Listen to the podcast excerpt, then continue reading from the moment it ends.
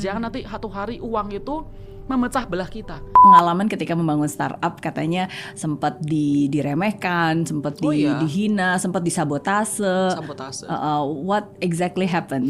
saya stres kalau papa saya stres. I feel sad for him, you know what I mean? Because I know he's doing it for the family. You know what I mean? So I feel sad for him. Like I mean, and there's, but the, but parahnya adalah I cannot do anything. Menurut Cigris, what is the key to success? Kegagalan bukan akhir dari segalanya, kesuksesan juga tidak selalu ada selamanya. Suka duka silih berganti, tapi kemauan dan keyakinan untuk terus melangkah itu yang harus dimiliki. Dan hari ini di Zero to Hero, saya kedatangan tamu spesial. Dia adalah Cigris Tahir. Hi, man. Hai. Thank you so much for being here.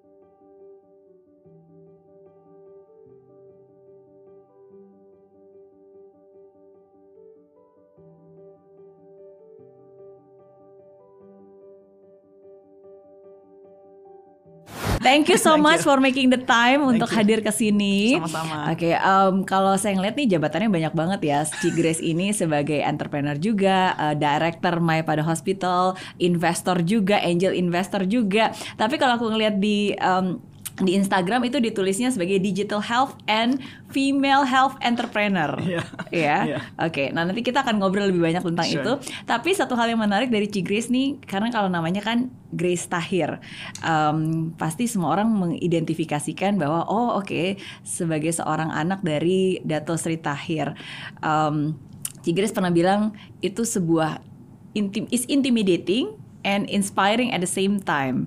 Mungkin bisa dijelaskan seperti apa dan pengalamannya gimana? Baik, Eh, Pak Tahir atau Papa saya, kita panggil Papa saya aja deh ya. Papa saya itu kan sosok inspiration buat saya, terutama sebagai seorang putrinya.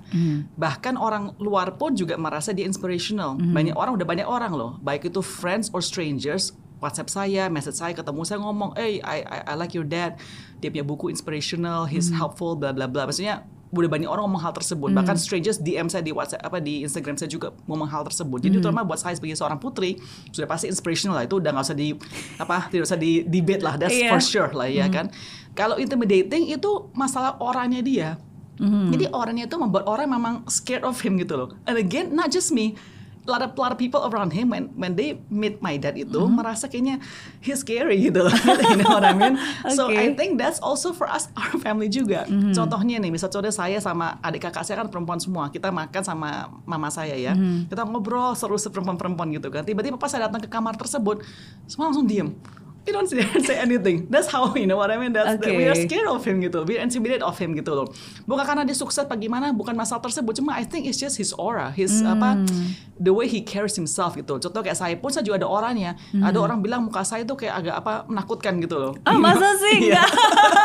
I don't know if you Okay. feel it or not. Iya. Muka saya tuh kayak apa kayak agak nakutin. Jadi tapi nggak bisa diubah gitu loh because that's my Okay. aura ya kan. Jadi uh, again itu bukan hal bukan hal negatif ya intimidating. I think it's just the apa the person that he carries himself to be his aura is just like that project that image he knows that and we have no problems I have no problems with that as well Hmm, oke. Apakah te- uh, terintimidasi tuh merasa seperti kayak wow, uh, I have such a great parents gitu kan. Mereka adalah role model. Berarti kan um, do you feel pressured that you have to be like them or at least maybe have certain standard gitu? Oh ya, for sure. Uh, menurut saya kan ayah saya itu berjuang untuk keluarga kita ya dan sukses dalam dunia bisnis juga ya. Sudah pasti kita sebagai anak-anaknya ada satu uh, pressure sudah pasti lah ya untuk juga harus gini loh. Mungkin nggak harus eclipse dia, tetapi uh, juga harus ada some kind of achievement gitu loh. Tetapi saya mau kasih tahu bahwa papa saya tuh nggak pernah loh kasih that pressure on us. Dia nggak pernah bilang, oh you have to become apa rich maksudnya in a sense lu harus mengalahkan gua lu harus apa dapat Forbes ranking apa gimana enggak gitu loh you know he wants us to work as best as we can punya atau apa namanya intinya adalah untuk kita bisa uh, take care of our family down the road gitu loh So that's what he always wants us to have. Jadi ingat ya, bukan masalah oh lu harus kaya kaya billionaire itu bukan. Dia nggak pernah kasih that kind of pressure. Even kita sekolah pun dia nggak pernah loh pressure. Lu bernilai ah harus sekolah apa gimana nggak pernah sama sekali. harus ranking gitu, Nggak ada, nggak? ada sama Oke. sekali. Both my parents nggak pernah ada that kind of pressure. Cuma kita tuh atau at least saya sendiri internalize at least saya harus buktikan pada my dad dong. Oke, I can I can apa ya? I can make him proud lah in that sense gitu loh. In the sense that okay, I can take care of my family.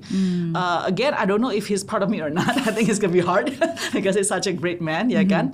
Tapi uh, yeah, I'm trying my best lah. Like you said, we are always learning. We are always trying to improve ourselves, right? Hmm, apa masa-masa yang paling diingat ketika eh, kecil? Oke. Uh, again, papa saya tuh kan uh, orangnya intimidating ya, you know what I mean? Jadi I would say maybe kita tuh Contoh intimidating itu seperti apa sih? ya itu contoh kita makan malam. Kalau ma- kalau ayah kita kita nggak berani ngomong. Kita makannya aja diem gitu loh. Oke. You know what I mean? Oke. Tapi kalau satunya once he he goes back to his room, then we just talk about anything gitu loh. Iya, You know iya. what I mean? Apa karena galak gitu mungkin?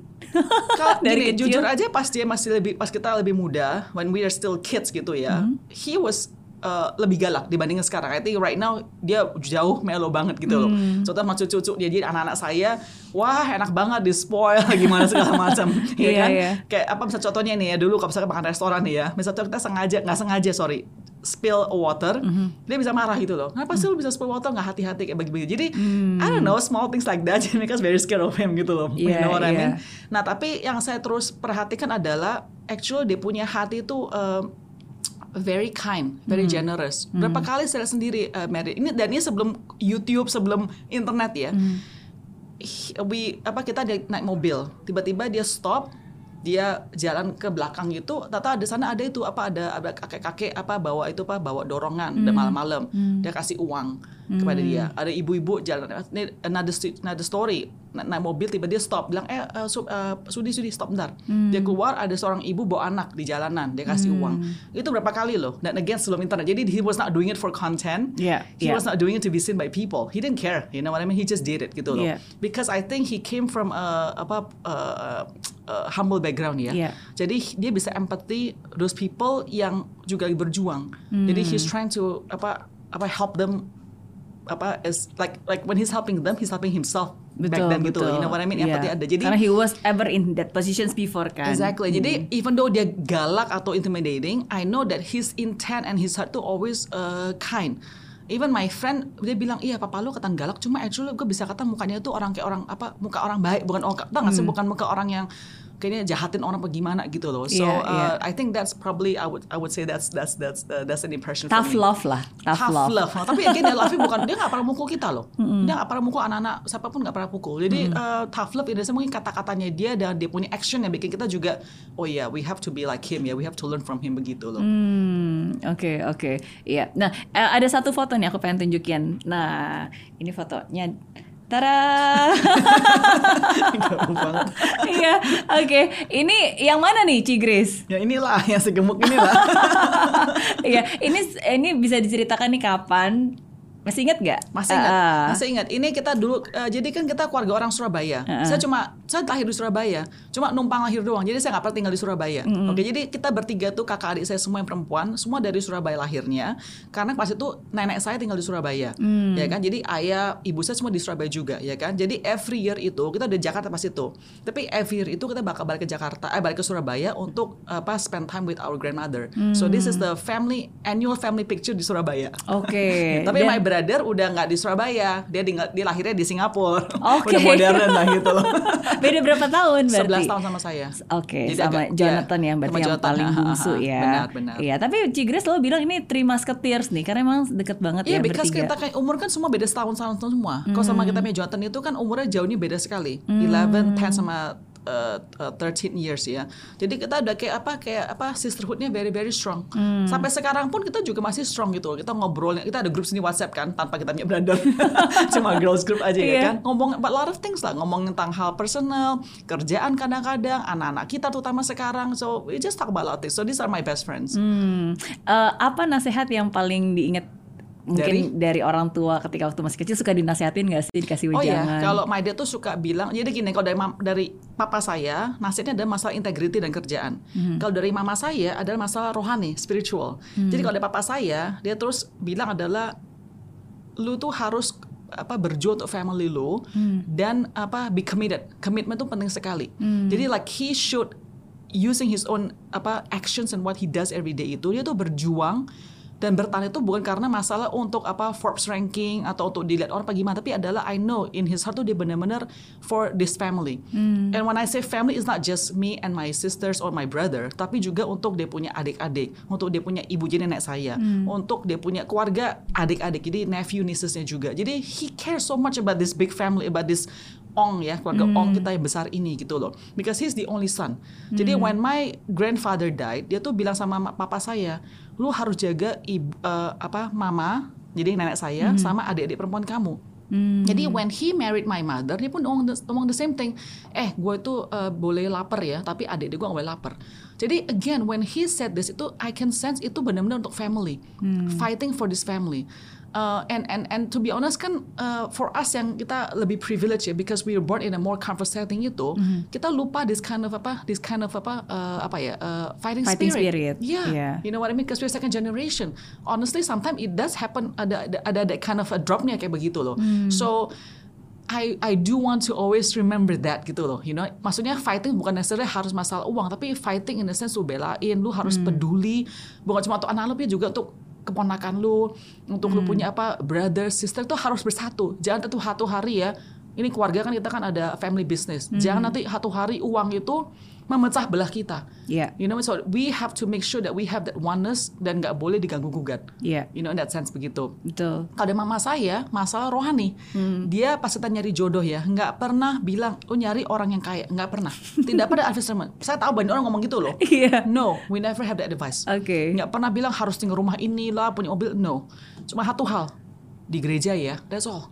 Di gereja. Dan dia terus bilang, dan sampai hari ini pun juga lah, nasihatin, eh Grace, suami lu jangan lupa ya ikut sidang apa ikut acara gereja ini ya. Anak-anak lu kok kurang angkatan di gereja. Jadi always thinking about the spiritual needs of everybody in the family. Iya, dan terus mengingatkan Sampai, ya. sampai hari ini. Iya. Bahkan pas saya kuliah, apa saya sekolah SMP di Singapura, saya tuh kan di boarding school tinggalnya Mer, ya kan. Jadi kan nggak ada orang tua. Wah enak nggak usah ke gereja, nggak usah ke gereja. you know? Jadi mama saya tuh nggak gimana.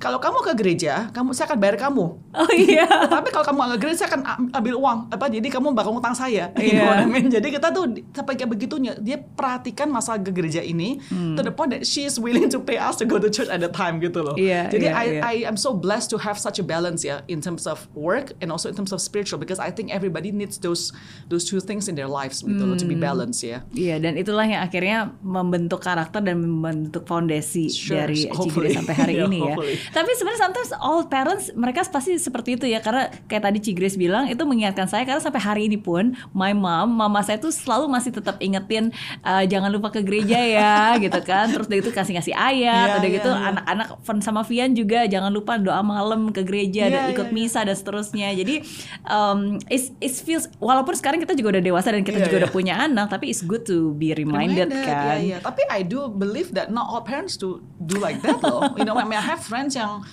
parentsnya justru bilang ya terserah kamu Terserah. lah. As long as you are happy, you enjoy, nggak mau gereja mau gereja juga nggak apa-apa. I mean I know some people who are like that. So I'm so blessed that my mom masih demikian tentang hal tersebut gitu even until now ya kan bahasa pelayanan pun juga ya udah my she's amazing you know I know my mom bukan satu orang public figure yang bandingin ngomongin orang ya tapi my mom tuh juga satu hal yang juga hatinya baik banget ya maksudnya Mer sampai hari ini loh Mer pandemik pun juga dia masih pergi merawat orang-orang di gerejanya. Dan orang-orang di dalam tuh bukan orang-orang yang mampu. Ada benar yang low income sekali yang tinggal di dadap di kapuk yang you know if you do area that's very very low end gitu loh. Dia duduk sama mereka di rumah mereka makan sama mereka visit mereka you know mana bantu anak-anak sekolah mereka. Dan again this is all nggak ada hubungan dengan konten. Iya. nggak ada hubungan ini consistently she does it every single week. You know what I mean? So I'm really apa I, I really I'm so blessed lah I'm really blessed Yeah, and a lot of people also being blessed by uh, apa yang dilakukan dari My parents, your yeah. parents Yeah, juga, I mean- and what you did also. Ho- hopefully I mean if I can just achieve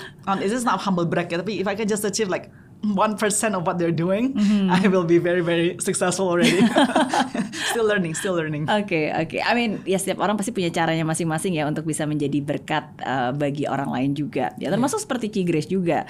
trying Iya. again Um, um, berarti kalau saya boleh tanya dari sejak kecil cita-citanya Cigres apa nih? Uh, saya pengen jadi film director, saudara film Oh, iya? Saya ingat dari SD 1 loh, dari SD 1. Uh-huh. Jadi kalau saya nonton film itu, saya tuh nonton sampai habis, tapi itu end creditsnya rolling. Hmm. Karena saya pengen tahu who are the people behind uh, the apa behind the scenes yang make the movie happen. Hmm. Jadi pas itu kan saya Inggrisnya masih nggak bisa kan sekolah di Indonesia kan. Saya ngerti kata-kata gaffer, grip lah, producer, saya nggak ngerti what those what those what those uh, what those titles mean. Tapi saya pengen tahu who are these people. Jadi saya nggak pengen jadi aktrisnya. Oke. I always want to become the person behind the scenes making that movie. The first time saya ke Amerika itu, saya diajak ke Universal Studio di Hollywood. Itu ada ada studio tournya kan. Mer. Waduh, saya tuh bener kayak merasa, wow, this is like a movie like magic, like a magical place for me. And I actually wanted kuliah film school. Betul saya Oke. bilang ke papa saya, saya pengen film school. Terus? Papa saya bilang, nggak boleh. Iya. so papa saya merasa tuh kayaknya satu hobi, Hobi, doang, bukan betul. satu komitmen lah gitu. Jadi Iya. saya kan tadi again kan my dad kan kan maunya adalah kita tuh bisa survive for our family. Mm-hmm. If you become uh, somebody in Hollywood atau film industry mungkin nggak bisa maintain that Mm. or have that gitu because you know lah it's not that easy. Terus kedua adalah masalah juga rohani ya kan Mm. dunianya kan agak bahaya ya kan anak muda bisa jatuh percobaan ya jadi I Betul. think he wants to protect us he wanted to protect me from that lah gitu jadi again no regret I have no apa yang ada kesel bitterness nggak ada sama sekali kok I think uh, God plans exactly what where I'm supposed to be so I'm okay with that Hmm. Akhirnya kuliah ambil apa nih berarti? ekonomi Ekonomi. terus S2 akuntansi Oh, oke. nggak ada hubungan sama sekali Gak ada hubungannya. Tapi sebenarnya selain cita-citanya pengen jadi movie director sejak kecil, sebenarnya ada salah satu keinginan Yes. juga uh, you always want to do something in technology Benar, benar. and Pas- using technology. Benar, pas itu saya di apa S2 lagi di Amerika. Itu lagi dua tahun 2000 tuh Mer, itu lagi dot com boom ya kan. Tapi bukan se dot com boom ya. Jadi I was not like oh I want to become uh, apa uh, apa apa ya. It's not it's not about the money, but it's like this is so amazing this technology.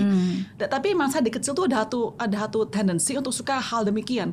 Jadi di keluarga saya itu kalau ada rusak nih kamera apa komputer saya disuruh cari orangnya Oh iya. dari dulu dari dulu you know what I Okay. mean even until now with my husband and I ke masalah rusak yang elektronik pasti saya yang bagian in charge gitu Iya, loh. iya, iya. Anak-anak saya kalau masalah elektronik salah iPadnya apa semua sih saya nggak ke nggak ke, ke husband saya gitu loh. Iya, Jadi iya. memang ada satu tendensi saya suka ke area tersebut gitu. Jadi Kita I agak mirip sebenarnya Gitu ya. ya? Saya juga kalau barang-barang rusak pasti nyarinya ke saya bukan ke suami kan? saya. Elektronik soalnya. bener-bener. Jadi I Okay. can see technology the world is like amazing. I remember when I was in apa 90 90 apa ya 96 ya. Ada di Amerika itu namanya AOL American Online. If you Ah. remember that Yeah, or not? yeah, I AOL. remember AOL. Kita dikasih CD-nya kan masuk ke komputer kan uh, komputer kita. And then you can start doing internet. Wow, when I first saw that it's like my eyes like so amazed like what is this technology? I can see the news Hmm. online. Even though it was super super super slow 30 minutes for one page. ya Ada kan? bunyi teng teng teng iya. dulu ya modem. bener bener tapi maksudnya I I was so impressed by that so I really wanted to do something about it gitu tapi um, yeah I did not do it lah begitu gitu lah Iya, do but you about it. eventually do it after I did, that. I did. Um, Quite a long setelah sudah menikah, setelah sudah punya anak, dan setelah sudah menjalankan perusahaan papa. family business ya. Tapi it was uh, ya menurut saya I should have been lebih berani sih. Saya pasti takut. Mau kerja sendiri saya takut jujur aja Mer. Saya merasa oh saya udah quite apa safe zone lah ya. Saya punya anak saya tugasnya udah setiap hari udah beres udah jelas if I have to do another thing itu kan a new area for me. You know what I mean? Jadi pas saya mulai tuh benar-benar masih udah late 30s I think 39 apa gimana gitu loh. Which is quite late ya for an entrepreneur ya kan? Jadi Okay. I wished I wish I was I was briefer in taking that chance, but I was not. So that was one thing yang saya merasa mungkin dikit-dikit nyeselnya gitu aja sih. You know what I mean? Because I think when you're older, yeah, you have less energy, of course ya kan. Tetapi at the same time, there's also a lesson. Think menunjukkan bahwa anybody can start anything at whatever age. Yeah. Nggak harus Nothing is too late maksudnya itu. Nothing is too late. Ya kan? Tapi I always tell my kids, nothing is too late ya. Tapi kalau bisa, lebih awal. Iya. Iya. But eh, tapi ketika Cigres mulai waktu itu apakah itu startup yang BB Cam? Is that BB that Cam, one? yeah, BB Cam. That was my first Iya one. kan? Uh, the first one which is successful kan quite awalnya. successful cuma nggak bisa monetize jadi harus tutup gitu loh and Oke. itu kan pakai BlackBerry kan drop itu BlackBerry jadi kita nggak bisa continue to do anything after that gitu loh tapi the apa the, the the users who using it it was it was popular it was kind of you know it was a popular app to have and on BlackBerry gitu loh. And when I did itu benar-benar cuma saya sama satu orang lagi, satu programmer kita berdua ngerjain. Saya pakai Photoshop ini warna kayak gini ya, warna kayak begini gitu loh. Iya. Simple It was so simple, it was so beautiful. Tapi saya itu saya kayak oh I love this, I love this thing, you know. So I started to do another thing gitu loh. Oke, tapi itu adalah awal dan akhirnya uh, itu berarti hal yang pertama ketika Cigres terjun ke dunia teknologi. Oh, yeah. on, on, on my own, ya. On your my own. Yeah, yeah. Oke. So I, I asked my husband, boleh nggak saya kerjakan ini gitu loh. I always ask him kan, what do you think? Bilang, yeah, sure, go ahead gitu loh. Mm-hmm. My husband is very supportive. Boleh nggak saya kerja isolate you? Boleh, go ahead. He's very supportive. Oke oke. I I mean it's it's good ya to have a supportive Yeah, uh, yeah. husband Yeah, who yeah. always apa behind us Yeah, and yeah. support us Yeah, along the yeah. way. Yeah, yeah. Iya. Tapi back lagi ke ke ke, ke start dunia Yeah. startup ya Cigres ya. Um, sometimes when we started late Of course, there's a good point, there's a bad point ya. The good pointnya, ya we already, you already have the knowledge, you already have the experience, you have the network, you have the capital. Uh, isn't it something that is even more compared to like energy karena kan kadang-kadang kalau we start early kan banyak orang bilang oh karena kalau masih muda lebih banyak energinya Benar, lebih benar. bisa banyak waktunya Benar, sedangkan benar, kan kalau kita usia seperti itu kayak kayak usia 30 late 30s itu kan ya kita udah ada responsibility udah ada benar, anak udah ada wow so many things Yeah. kan I think ada pro dan con. Kalau saya bilang pro-nya adalah wisdom ya. I would not say knowledge because it was a new thing. Jadi saya nggak bisa bilang knowledge juga karena itu untuk hal yang baru buat saya juga.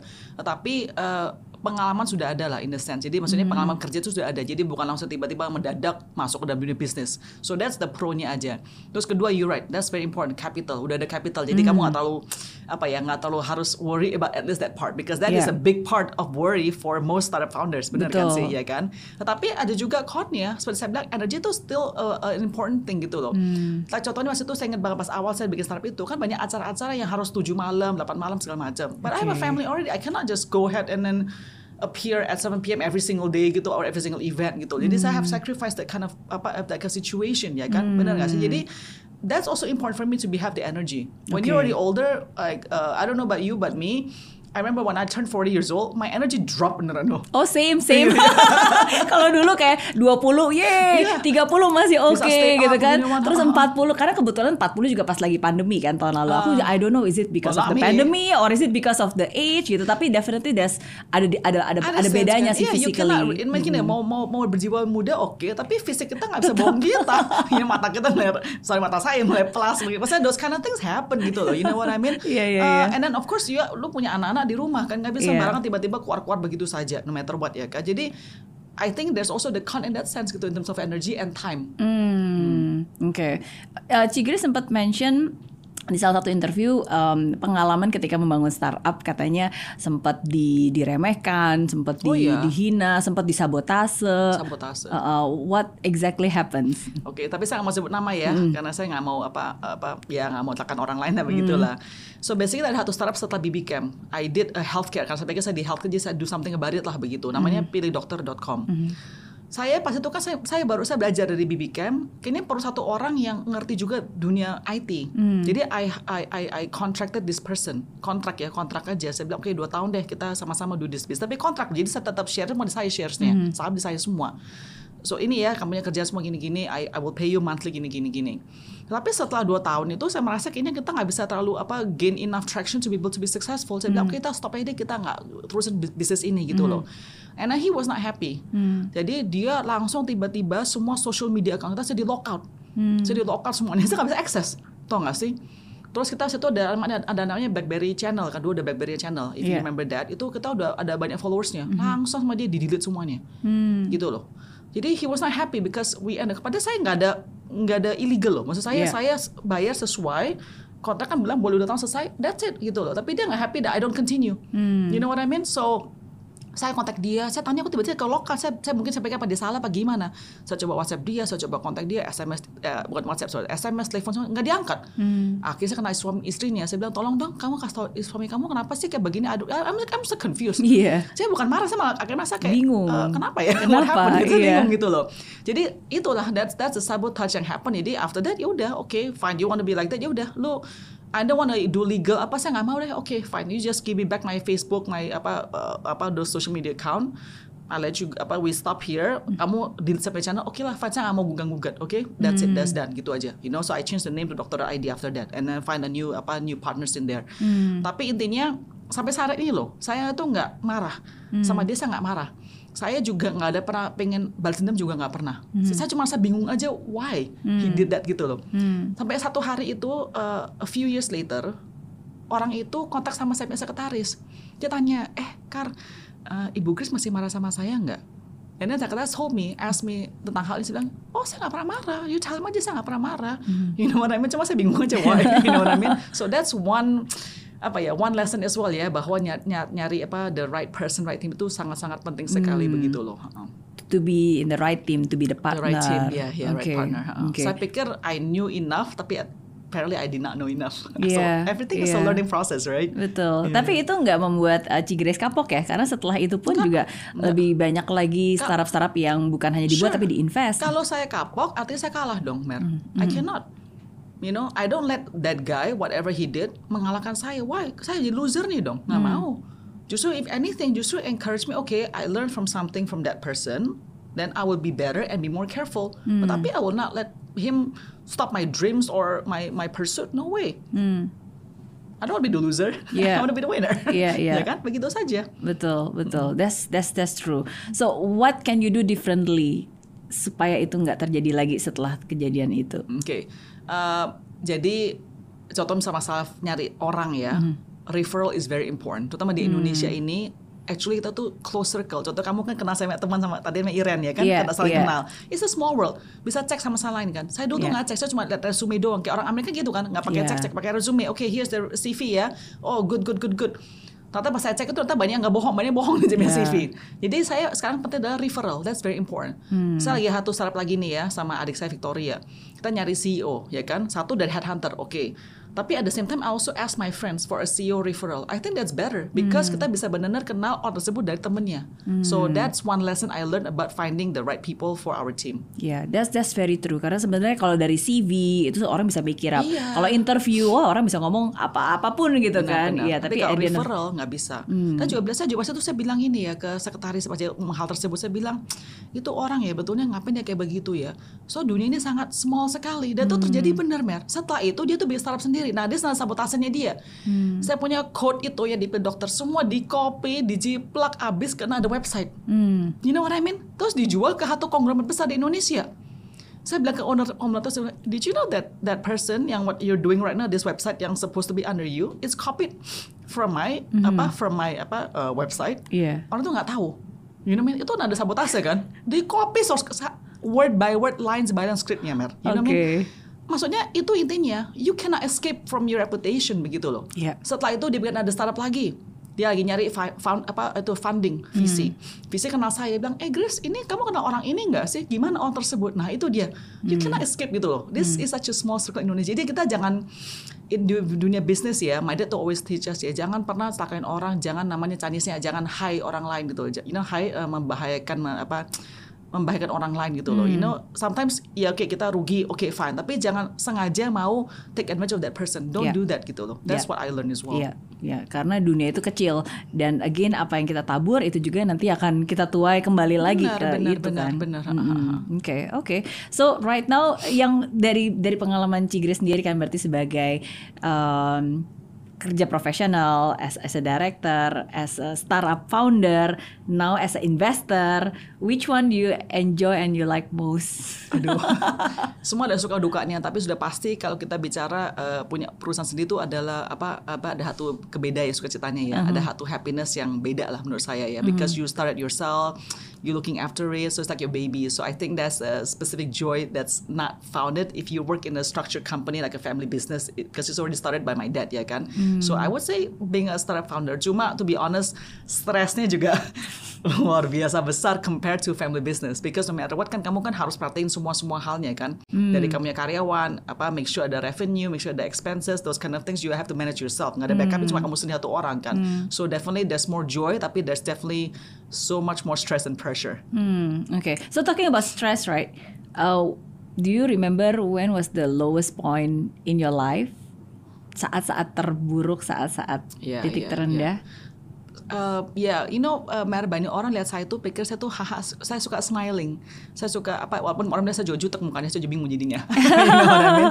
Tapi banyak orang mungkin merasa saya tuh happy, um, ya nggak ada masalah apa gimana, you know. Tapi saya tuh bisa hide it very well, you know. Like I actually get stressed easily. Tapi jangan ngomong sama my dad. Sama dad bilang gini, lu kalau stres, lu tukang orang bajai, tukang gojek. Mana bisa stres mereka? Mereka harus kerja, jadi nggak ada kata-kata stres gitu. Karena nggak ada waktu untuk mikirin stres Iya, gitu iya, ya. Oke. know what I mean. Jadi kan dan zaman dulu kan orang mikirnya juga demikian. Tapi kan kita tahu better now ya, but mental health is a, is a, apa is a real thing gitu loh. Kita kan ada fisik tubuh fisik, bisa sakit Hmm. masuk angin, masuk apa demam. Kita juga ada mental, kita ada jiwa kan ada hati dan pikiran. Cuma Hmm. pasti sakit dong, nggak mungkin orang nggak pernah stres pastinya gitu kan. Eh, saya stres kalau papa saya stres. Hmm. Oke, tahun lalu itu papa saya itu benar-benar uh, stres berat karena pekerjaannya dia. Tahun lalu was really uh, challenging for him. And I saw him so apa he's usually so strong, you know what I mean? And when I see broken down kayak begitu ya, aduh I feel I feel sad for him, you know what I mean? Because I know he's doing it for the family. You know what I mean? So I feel sad for him. Like I mean, and that's but the, but parahnya adalah I cannot do anything. None of the children can do anything because this problem adalah cuma sama dad yang solve. You know what I mean? So kita cuma bisa doa pas itu loh. Tapi there was slow moments itu saya everyday tuh bangun. Padahal itu bukan betulnya gini loh. Itu kan masalah my dad ya kan. Tapi of course ada hubungan saya. Tapi actually kan my dad yang handle semuanya. Burdennya is upon him gitu loh. Tapi when I see him like that, I feel so sad. Every day saya bangun tuh bisa jadi nervous sendiri, anxious banget gitu loh, Mer. You know what I mean? Because I I never see him like that. You know, to the point that he said, aduh kayaknya bisa give up apa gimana. Itu nggak pernah kata-kata give up di depan dad tuh. Tapi ada momen dia perasa kayak dia harus give up. Sampai dia tuh minta kita semua doain dia. Sebelumnya dia nggak pernah kayak begitu loh, Mer. Dia nggak pernah bilang, eh tolong doain papa ya. Nggak pernah. Karena dia so strong kayak begitu. You know, he never brings his problems at home. Tapi ya last year, ketika banyak orang meninggalkan dia, banyak orang menghantam dia, meng, meng- apa namanya, menghasut dia dan segala macam ya.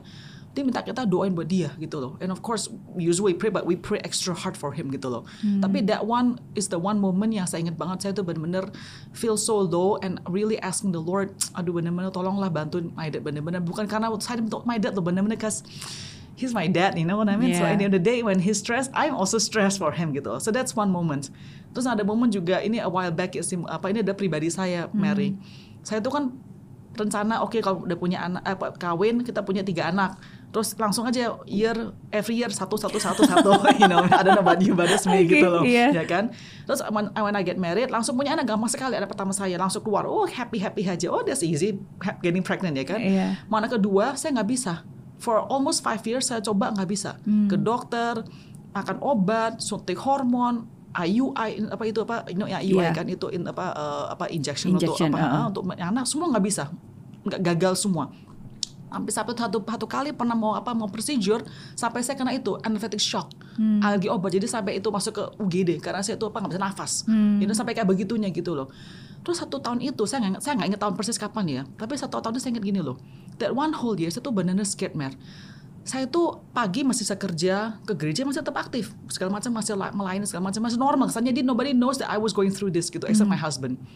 Tapi malam-malam saya always fear. Saya tak saya saya pikir-pikir gini loh Tuhan mungkin nggak sih kamu tuh bikin saya nggak punya anak kedua? Mungkin saya tuh umur saya pendek jadi biar nanti nggak banyak anak biar anak saya nggak kasihan gitu loh. Mikir kayak gitu dari iblis kan itu kan pikiran Iya. tersebut kan. I never blame God. I never say why God? Why you don't give me a child? Nggak pernah. Tapi saya masih takut sendiri. Mungkin saya mau meninggal loh gitu. Jadi every night when I go to sleep itu saya feeling saya tuh that was my last night. Malam datang tuh saya nervous, so scared, fear banget. Saya nggak tahu, I don't know what it is. I did not go to a doctor because I thought mental health was something I have to handle myself. You know what I mean? Mungkin j- I'm, I'm just being a weak person begitu loh. Betul. Saya malam-malam tuh bawa Alkitab ke WC karena gelap aja saya ke WC buka papa lampu, baca, doa, nggak bisa nembus mer.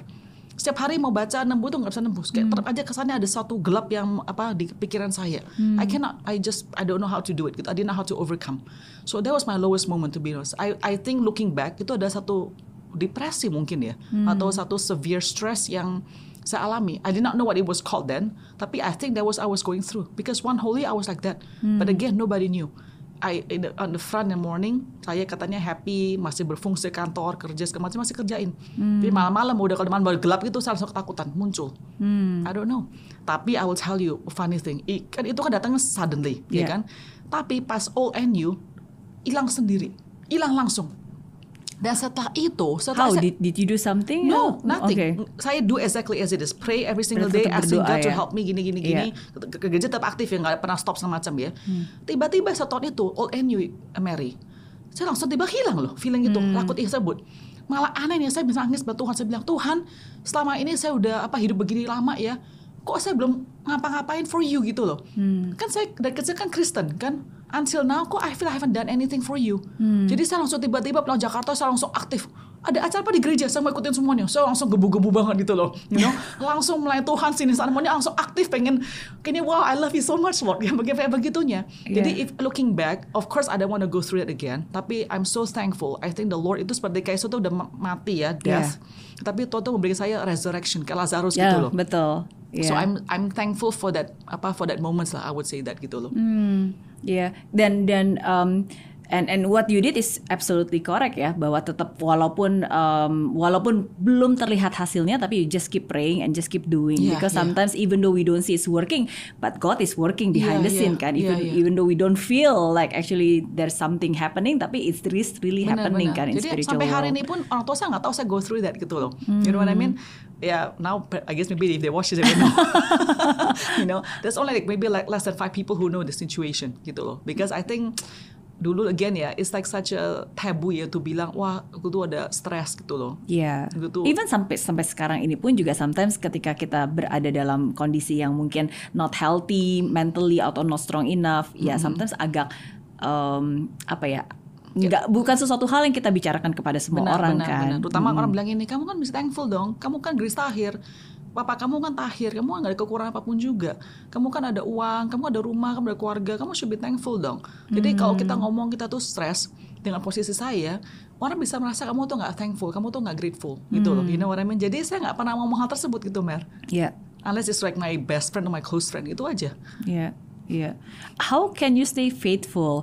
Karena eh, untuk banyak orang sometimes pasti mereka berada di dalam pernah berada dalam titik-titik tersebut kan. Dan ketika kita sudah berdoa, berharap kita udah do our best, eh, sometimes kayak tadi kan malam-malam kita buka Bible tapi kok nggak nembus-nembus. Sometimes they just give up Hopeless, gitu. iya, iya. Sometimes they just ya hopeless gitu. Tapi you still faithful kan, Iya. tetap setia, tetap terus dilakukan. Because until now sampai hari ini saya belum pernah ketemu another thing that's better than my God.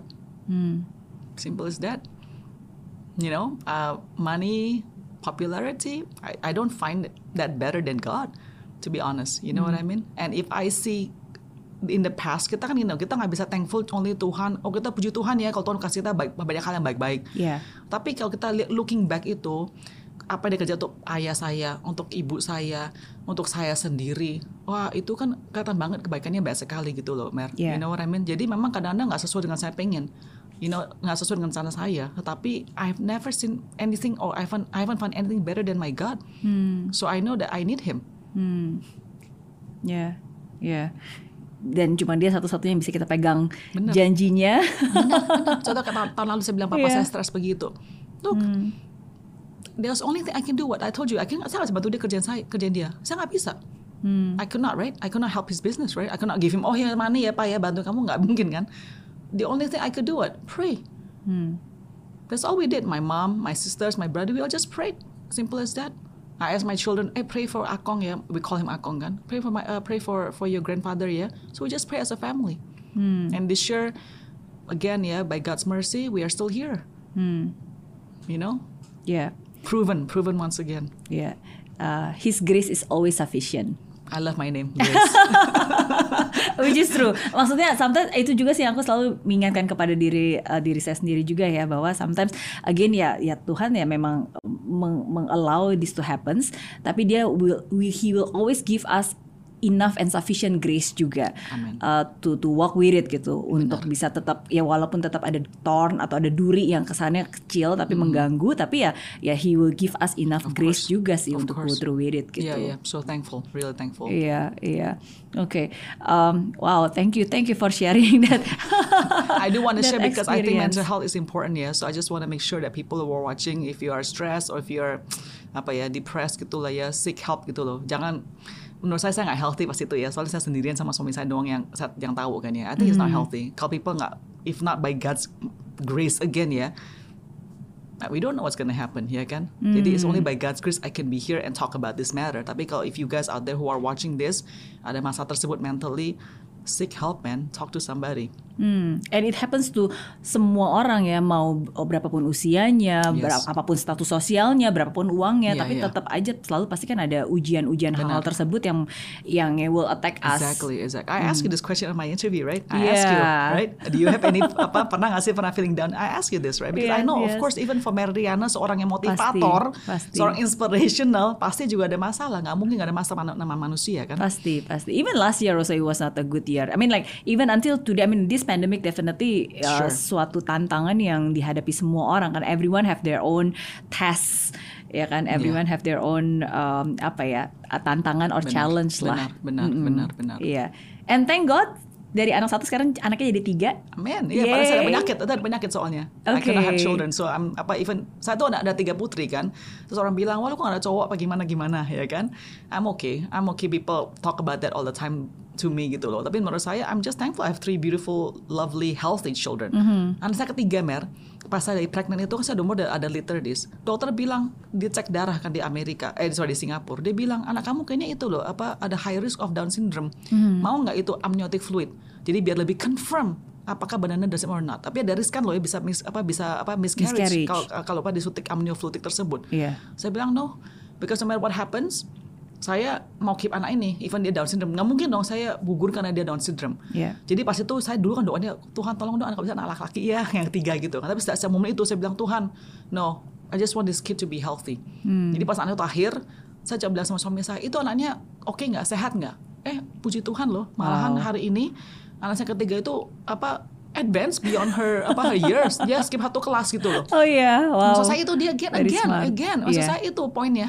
You know, Tuhan itu benar amazing. I cannot say I cannot say enough. Tuhan itu benar-benar amazing. Especially to me, my family, I feel His amazingness not just because of His giving me so much blessing physically, materially, tapi giving me peace and hope and joy. These things that money cannot buy. Oh, I'm so thankful for that. Truly. Hmm, Iya, dan mm, we have to be grateful ya. Makanya grateful itu kan bukan cuma kayak berterima kasih ketika kita dikasih. Itu sih itu sih biasa ya. Karena kalau kita dikasih ya of course kita pasti Ya, bilang terima kasih. Tapi kan being grateful like kit, walaupun ya kan kita tetap berterima kasih walaupun mungkin nggak sesuai. Kita Yes. tetap berterima kasih walaupun mungkin hasilnya belum kita lihat, belum kita ketahui. Benar, Jadi ya be still be thankful even though Even though, yeah, yeah, we still have to praise Him even though. Benar, Even benar, though. benar, benar, benar. Mm, iya, satu foto lagi nih aku mau tunjukin ke Ci Grace. Kok emang fotonya ya? Nah, ini. Oh, gitu.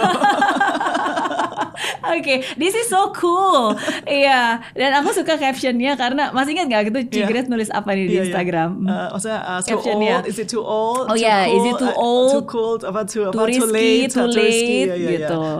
No way. Iya.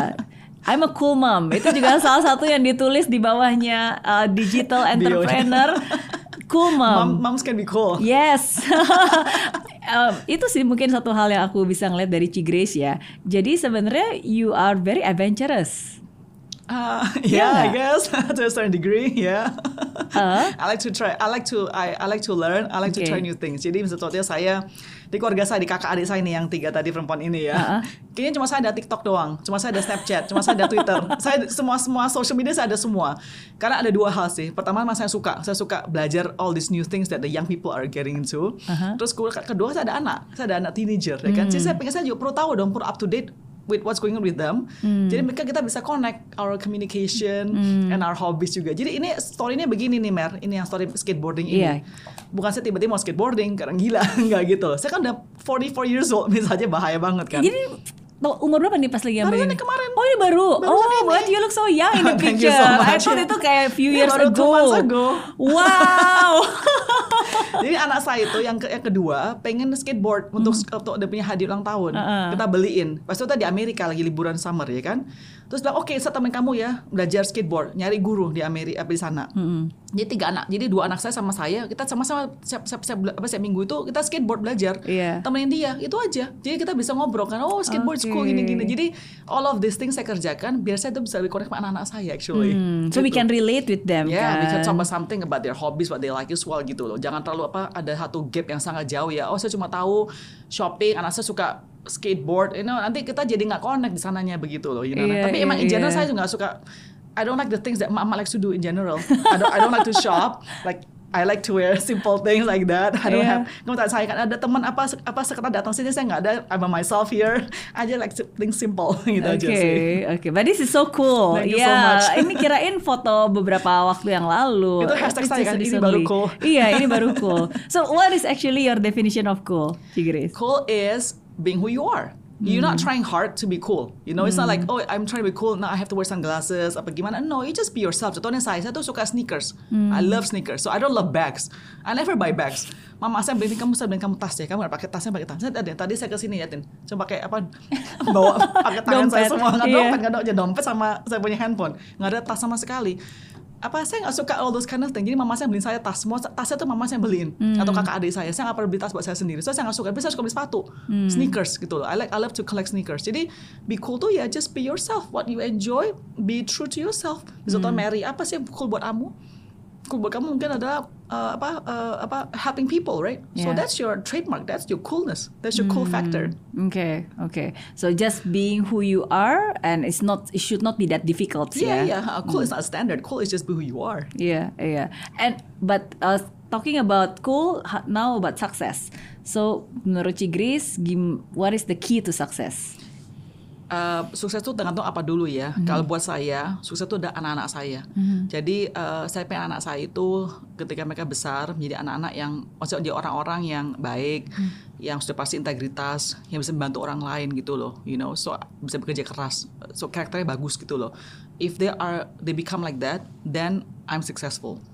Gitu loh. So right now what I'm trying to do is to become a better parent. Saya nggak bisa bilang bahwa saya adalah a perfect parent or a good mom. I can't even say I'm a good mom because I know I have still a lot of apa uh, a lot of apa weaknesses atau a lot of shortcomings as a mom. Tapi again saya terus belajar. Saya pengen coba apa love them tapi juga of course apa uh, apa uh, educate them ya. Tapi intinya adalah their success is my success. So I'm just trying to become a better mom lah to them gitu Mer Oke. Em, biasanya apa yang paling sering dinasehatin? ke mereka. Iya. waktu. Oke. waktu. Because again saya tahu waktu itu bukan di tangan kita. Dan waktu itu adalah satu hal yang semua orang punya ada satu kan ini kan the cliche ya banyak orang talk about this ya but it's true. Waktu itu kita punya aset benar nggak sih? So if you don't do right right now when you are young contoh anak-anak saya itu kan sekolahnya mereka sekolah bagus mereka nggak ada kekurangan apa pun juga ya kan so take advantage of that gitu loh you know if you kamu kalau nggak berkarya kamu cuma malasan doang aja nih one day you'll regret it so tadi saya bilang sebagai entrepreneur I started late I regret that because I should have started earlier like 10 years early but I did not do that because I was scared so the time was wasted You know what I mean? Jadi menurut saya waktu itu so important. So I always tell them, you know, jangan procrastinate. Saya jangan bukan procrastinate. Saya jangan jangan waste your time loh. You want to do something, you do it aja langsung begitu. I will support you. Kamu skateboard, okay, I'll support you. You know, anak saya ketiga, pengen jadi apa? Kita bilang bisa nggak, mam? Saya America's Got Talent. AGT, you know AGT? Iya. Saya bilang, okay, you want? I'll support you, mau. You know, so I support them. Mau menjadi musician, oke. Okay. Ada nggak boleh. Kalau saya bilang, oke, okay, mau, boleh nggak apa. Saya Okay. support you to go to AGT, nggak apa-apa gitu. Help. Pasal begini, mungkin mau career, misalnya if they want to do that for experience, oke, nggak Yeah, apa-apa gitu. yeah, you know, yeah. Tapi intinya, I will support, but you make sure you do it seriously. Ya. Jangan cuma nanti habis habisin uang, bisa ganti-ganti hobi, bola balik, bola balik. I don't want that gitu. Tapi intinya committed to what you are trying to do gitu loh. Hmm, oke, oke. Dan um, dan uh, yeah, that's why it's a very blessing for them to have a cool mom like you. Mau ikut AGT, oke, I will support you main skateboard, oke gitu kan. Tapi mungkin Cari mama- guru les juga. Tapi mungkin my, my kids don't think I'm cool. Nanti mama mau sok-sok muda nih kayaknya gitu. no, dah. no.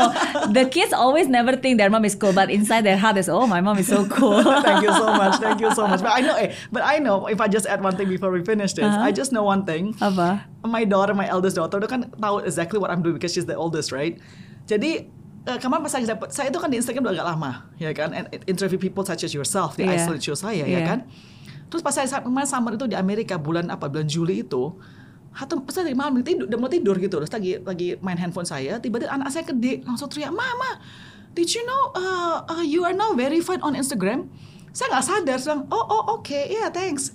Dia dia so dia merasa saya cool banget sampai dia Yeah. tuh post di dia punya Instagram, oh Okay. mama saya get verified. So, ada moments like, oh berarti anak saya merasa sedikit oke lah, Yeah. not bad lah. And my mom has a TikTok account too. Oke, well itu satu hal yang mungkin uh, berdasarkan dari pengalamannya Cigres ya. Kalau dulu kan ingin memulai bisnis startup, you you wasted, you feel that you wasted 10 years kan, karena ngerasanya kenapa nggak dulu aja mulai. Tapi sekarang now that um, you can even start your own show. Isolate yeah. show is something yang tiba-tiba I want to do it, yeah. You want to do it, just Don't just do yeah, it, exactly. ya kan? Don't waste time anymore, just do it. Exactly. Hmm, Oke, oke. Ap- Apa awal idenya bikin isolate show? Karena saya ketemu dokter Debrina, seorang dokter relawan COVID pas itu, dia diinterview CNBC Indonesia. Dan ketika dia beritanya itu masuk di video itu, tuh viral videonya. Banyak orang forward-forward video tersebut gitu loh. Mengal- menceritakan pengalaman seorang dokter jadi dokter COVID kan aku pas zaman dulu April ya kan awal-awal banget. Jadi saya pikir, oh I can do the same thing. I can also educate the masyarakat dengan video saya bikin juga dong. Jadi I interview dokter saya sendiri masuk my pada. I call another doctor, eh, dokter Ivy yuk kita interview ngobrol yuk. So that's the start. Just random, gak ada planning, cuma oke I'll just talk something because I want to apa ya uh, to spread the news gitu to people, you know, to educate people about COVID gitu aja sih. Tapi setelah itu saya bilang, oh this is fun. Okay, let me see who, I, who else I can interview. you know what I mean? so it start from there. Second episode adalah Nino, Nino Fernandez aktor kan saya kenal dia pribadi. Saya Yeah. WhatsApp dia bilang boleh nggak? Dia bilang oke. Jadi sana aja terus gitu. Akhirnya terakhir sama Mary. Yeay. Dan sekarang bukan hanya di Instagram ya, bakalan ada chan- YouTube, ada channel YouTube. YouTube-nya juga Iya, ya. iya, sama si Just No Limit ya Justin. Iya, Iya, iya, iya, iya. Dan namanya Grace No Limit. Grace No Limit. That's so cool. God's grace ya. God's grace, God's grace. Iya, tapi itu sih sometimes kadang-kadang saya selalu bilang bahwa uh, musuh dari kesuksesan itu adalah ketakutan. Karena bukan kegagalan ya, kegagalan itu justru temannya kesuksesan karena kan kita banyak belajar dari kegagalan. Benar. Tapi ketakutan, rasa takut itu yang akhirnya membuat kita nggak mulai, membuat kita nunda, Iya, ya iya, kan? iya, iya. Jadi um, Benar-benar. Contoh tadi Anda bilang, kalau sejak kena saya sabotase sama tem- teman saya tadi kemarin itu partner saya tas- sabotase bisnis saya. Kalau saya takut bikin bisnis lagi, kan saya udah kalah. Like you Hmm. said before, right? So you're right. The biggest thing is the fear ya, yang to start something or do something ya. So I Iya, agree with you. I agree iya. with you. Oke, um, second last questions untuk Cigris. Karena kalau ngomong tentang ketakutan, sometimes when people have nothing, ya mereka pikir ya udahlah I have nothing tulus, makanya mereka ya udah Yes. lebih berani. Tapi kan like you, you have a lot of things. Yeah. Uh, you have name, reputations, Yes, you yes. have a family name gitu kan. Yang sometimes itu kan juga bisa menjadi considerations kalau sebelum Cigris memulai sesuatu nanti waduh kalau kalau gagal gimana nih atau enggak Yeah. kalau diomongin orang gimana nih. Do, do you feel that? Oh, kalau yeah. iya how to overcome Uh, fear? I, I don't think I have successfully overcome sih Mer. Mm-hmm. Uh, maksud saya, saya pengen sekali sih menjadi orang yang tidak peduli pendapat orang lain. That would be the biggest freedom kan, not to care what people say. Benar nggak sih? Iya. Cuma jujur aja nggak gampang gitu loh. Nggak gampang. Karena kita lihat Instagram, kita baca news, pasti ada orang-orang tersebut yang kita terus compare dengan diri kita. Atau contohnya my parents, kita kan juga terus pengen mereka punya apa ya, uh, apa uh, apa sebut approval. Even until at this age masih perlu approval dari mereka. You know, so it's very hard to say I've overcome. I really don't care the person. Oh, if you are like that kind of person, well, I really envy you because that is the happiest, most liberating feeling. But I'm not there yet, jujur aja. I do have a lot of apa apa namanya um, considerations, pikiran. Aduh harus please these people, that people. Terutama sebagai seorang beriman ya. Oh harus make sure jangan nanti apa uh, bikin orang apa nggak mau ke gereja gara-gara Iya. saya dan karena banyak banget sih mer gitu loh. Tapi yang saya belajar adalah uh, apa namanya ya, trying to find the joy in the things that I do. Jadi walaupun misalnya orang criticize saya, saya ada find that joy in what I do. You know what I mean? Jadi misalnya contohnya saya kerja apa pun sebi- sebisa mungkin dengan dengan my passion, dengan my joy juga and commitment of course. Jadi orang mau ngomong apa, at least saya say okay, but I'm I'm I- at least I'm doing it. I'm happy with it. I'm committed to it. I'm working my my ass off, so to say that. You know, my, Yeah, working yeah. my best to do this as well. Jadi at the end of the day ya udah, I, I cannot help with everybody, try to please everybody. Saya juga nggak bisa. That's all. Hmm, okay. Gitu. If it's the right thing, just keep doing. Yeah, just yeah. keep going. Find the joy, find, Find the the commitment in joy. what doing. Yeah. yeah. All right, all right. Okay, so since um, this channel is called, I mean like this segment is called Zero to Hero.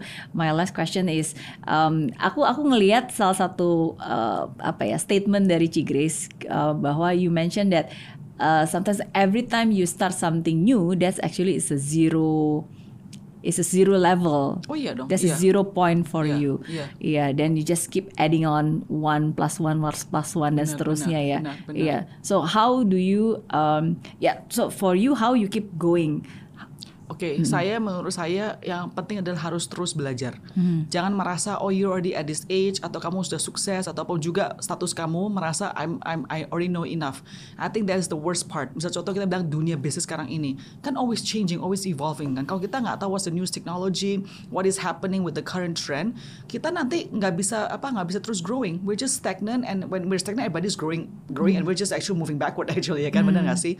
Jadi for me I'm always I'm always I'm not saying I'm successful in that sense, tapi I'm always trying to humble myself to be open to learn from the people that I meet, from from from the stories that I hear or or the, or the news that I read, the new technology, whatever it is, I'm always trying to learn gitu loh. Makanya one of the things that I learned from Isolate Show juga this that thing. When I interview people, I'm trying to learn something from that person, whatever that is. Mm. Doesn't matter your background, doesn't matter if I don't agree with you in the whole picture. Tapi saya mau belajar suatu hal dari kamu. You know, jadi I do that and I I have learned a lot from these people, the amazing people that I have interviewed. Really, every single one of them I've learned. It's amazing. You know, so this isolation actually helps me to learn. Beneran loh. Jadi I think that's one one thing to for us to be able to grow from zero plus one plus two adalah beneran harus belajar. Harus mau belajar deh. Soalnya kalau saya interview orang atau Mary atau siapa pun juga ya, I notice everybody who's successful beneran suka belajar. Suka baca buku, suka pengen tahu, nggak cuma okay I'm happy, I'm just gonna do this all the time. No. I notice you guys all have the same trait adalah mereka terus pengen belajar, belajar, pengen tahu more, more, and more, and more. That's what is amazing. Contohnya Mary lah. Dan contohnya Anda masih stuck in uh, 10 years ago when you started nggak mau this technology. How are you gonna be here, right? You're not Yeah. gonna survive. You know what I mean, right? But look at you. Now you, I saw your apa your amazing YouTube flag. I want that by your YouTube. Thank you, thank One million you. followers ya kan at least. Thank you. Yeah, when you're keeping up with technology, right? You're Hmm. changing, you're lear- learning, ya kan? You're not like back then masih pakai buku doang gitu aja, ya kan? So that's Hmm. amazing.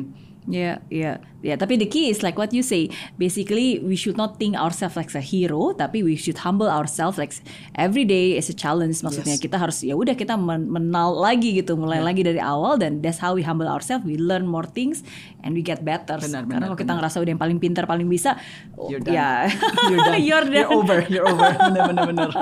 Oke, so thank you so much sekali lagi. Thank you so much, Mary. sudah So nice meluangkan here. waktu sama-sama. Uh, I learned And so much. And it's no nice to finally meet you in person. Yes, yes, sama, sama, sama. And you look younger sebenarnya. masa sih? Enggak benar, benar. Because I think you find grace and you find joy in everything that you do. Thank you so Ya, much. Dan Thank ditunggu uh, channel YouTube-nya buat ya kalian pengen nonton uh, langsung aja ke Instagramnya uh, Grace Tahir. No, G Tahirs. Oh, at G Tahir. Iya, aha. Ya, di situ ada banyak banget interview-interview. Uh, selain dengan saya ada banyak banget tokoh-tokoh lainnya juga yang luar biasa. Dan juga bisa ke channel YouTube-nya Grace No Limits. Grace No Limit. Oke, sukses terus, sehat Thank you so much, Mary. God bless ya. God bless you more and more too, oke? Dan seperti biasa, uh, hari ini saya belajar banyak banget dan saya selalu percaya bahwa setiap orang punya cerita dan setiap cerita selalu membawa pelajaran berharga. Semoga pelajaran berharga dan cerita dari uh, seorang Grace Tahir hari ini bisa memberikan inspirasi, bisa memberikan semangat uh, untuk kamu apa pun yang terjadi, fight till the end and never give up. Bye bye.